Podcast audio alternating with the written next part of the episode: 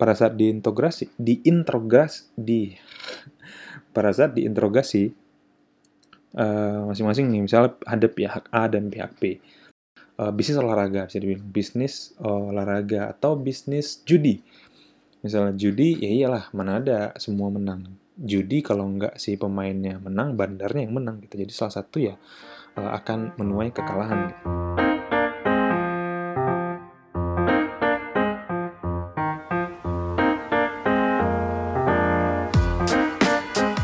Anjir, macet banget pulang kantor.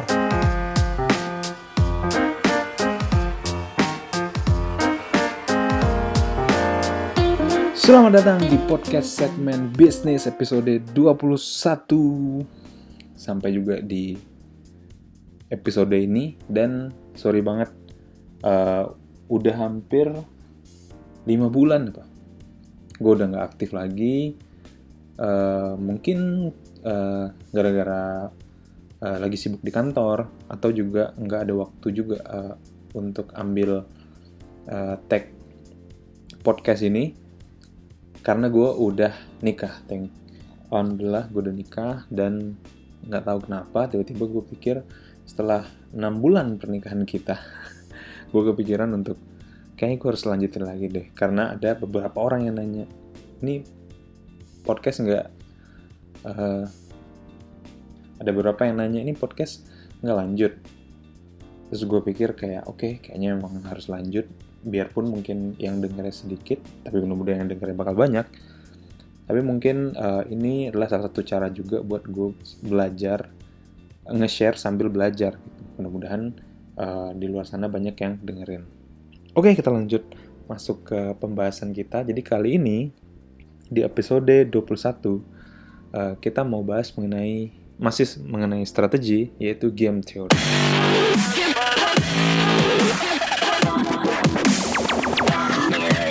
Jadi dalam game teori itu ada zero sum game versus non zero sum game. Apa itu? Mungkin kita sedikit balik lagi ke belakang bahwa kita tahu bisnis itu berat gitu. Bisnis itu berat bahkan sejak awal udah kita bahas bahwa bisnis itu seperti perang. Ada hal yang sangat fundamental dalam perang yaitu ada pihak uh, jadi ada mungkin ada dua orang nih, eh dua pihak nih yang berlawanan dalam perang. Ada pihak uh, yang uh, misalnya pihak A lawan pihak B. Dan berusaha menang kan dari yang lain. Jadi pihak A pengen menang dari B pihak B tentu pengen menang juga dari A. Nah ini adalah salah satu contoh dari zero sum game. Nah apa itu zero sum game? Jadi uh, bisa dibilang hanya satu nih yang menang nah di bisnis pun bisa gitu jadi misalnya dari uh, perusahaan A sama perusahaan B ada di industri yang sama lalu mereka saya tidak langsung bertarung, tapi akhirnya salah satu tumbang. Gitu. Banyak bisnis yang uh, kayak gini. Cuman kalau memang kita lihat dari sisi contohnya deh, uh, bisnis olahraga bisa dibilang bisnis olahraga atau bisnis judi. Misalnya judi, ya iyalah mana ada semua menang. Judi kalau nggak si pemainnya menang, bandarnya yang menang gitu. Jadi salah satu ya uh, akan menuai kekalahan. Gitu.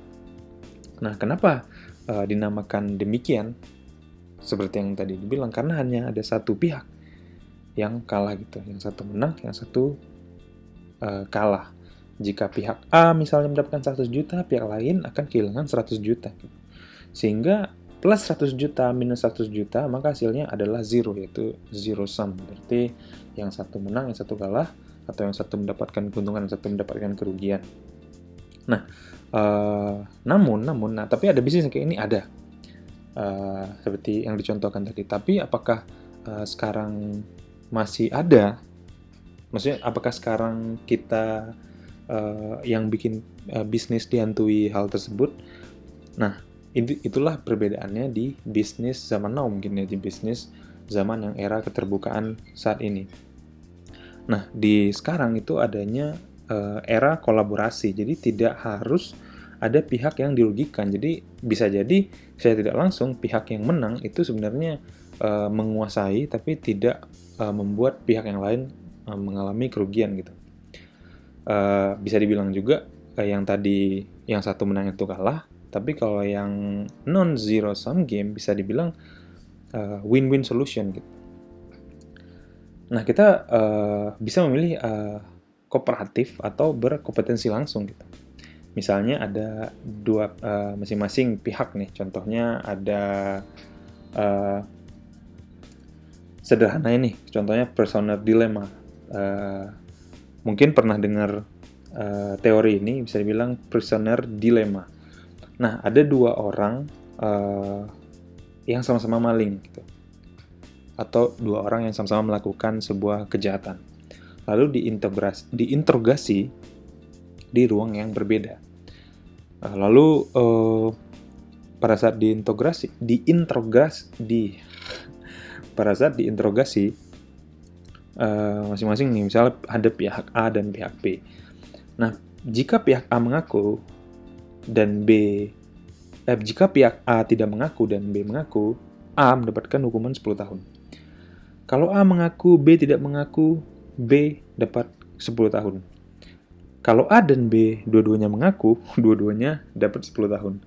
Tapi jika A dan B sama-sama nggak ngaku, dua-duanya bebas. Nah, namun kan pilihan terakhir ini sulit.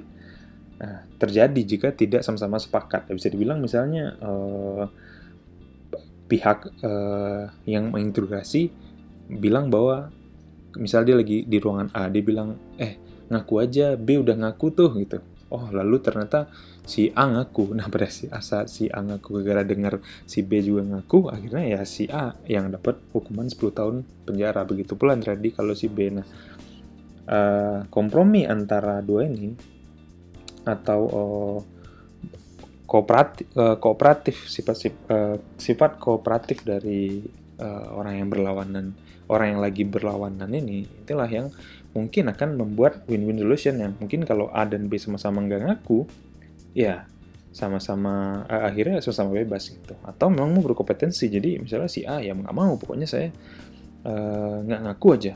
Lalu si B pun uh, dia nggak mau, atau dia malah menjerumuskan, iya kok si A melakukan, atau si B malah menjerumuskan si A kayak kayak gitu. Uh, dua hal tersebut um, bisa jadi mungkin malah dari tadinya kita mau non zero sum game malah jadi zero sum game yang satunya kalah yang satunya menang nah uh, kayak ginilah yang uh, mungkin bisa menjadi uh, bayan kita juga kalau kita mau masuk ke industri bisnis uh, kita harus tahu bahwa oh, sama bisnis ini sama-sama uh, bisa ber uh, berkompetensi atau kita memilih untuk ber uh, kolaborasi atau sekedar kooperatif. Mungkin kalau ada contoh apa ya yang paling mungkin yang paling mungkin contohnya mungkin bisnis rokok. Contoh aja mungkin perusahaan rokok kan ya uh, ya rokok kan uh, bisnis yang mungkin uh, bisa dibilang tidak menyehatkan ya uh, orang yang merokok mungkin ya uh, sudah tergambar lagi di kotaknya bahwa uh, dalam jangka waktu tertentu mungkin mereka akan dapat uh, apa gangguan ke uh, dapat hipotensi, gangguan kehamilan dan jan, bla bla bla. Nah, sedang uh, tapi kalau rokok masing-masing rokok itu berkooperatif uh, itu gue nggak pernah dengar tuh bahwa perusahaan rokok A menjelek-jelekan perusahaan rokok B gitu. Mereka ya udah masing-masing aja perusahaan rokok B membuat kampanye sendiri, rokok A kampanye sendiri gitu. Mereka nggak pernah saling menjatuhkan. Sehingga mereka ya kooperatif di bisnis, jadi ya tergantung uh, yang siapa yang paling kuat aja brandingnya tapi branding yang satu atau keuntungan di satu pihak tidak membuat kerugian di pihak lain gitu uh, dan sebagainya nah kira-kira ini contoh dari uh, game teori zero sum game versus non zero sum game. Sampai ketemu di episode selanjutnya. Salam entrepreneur.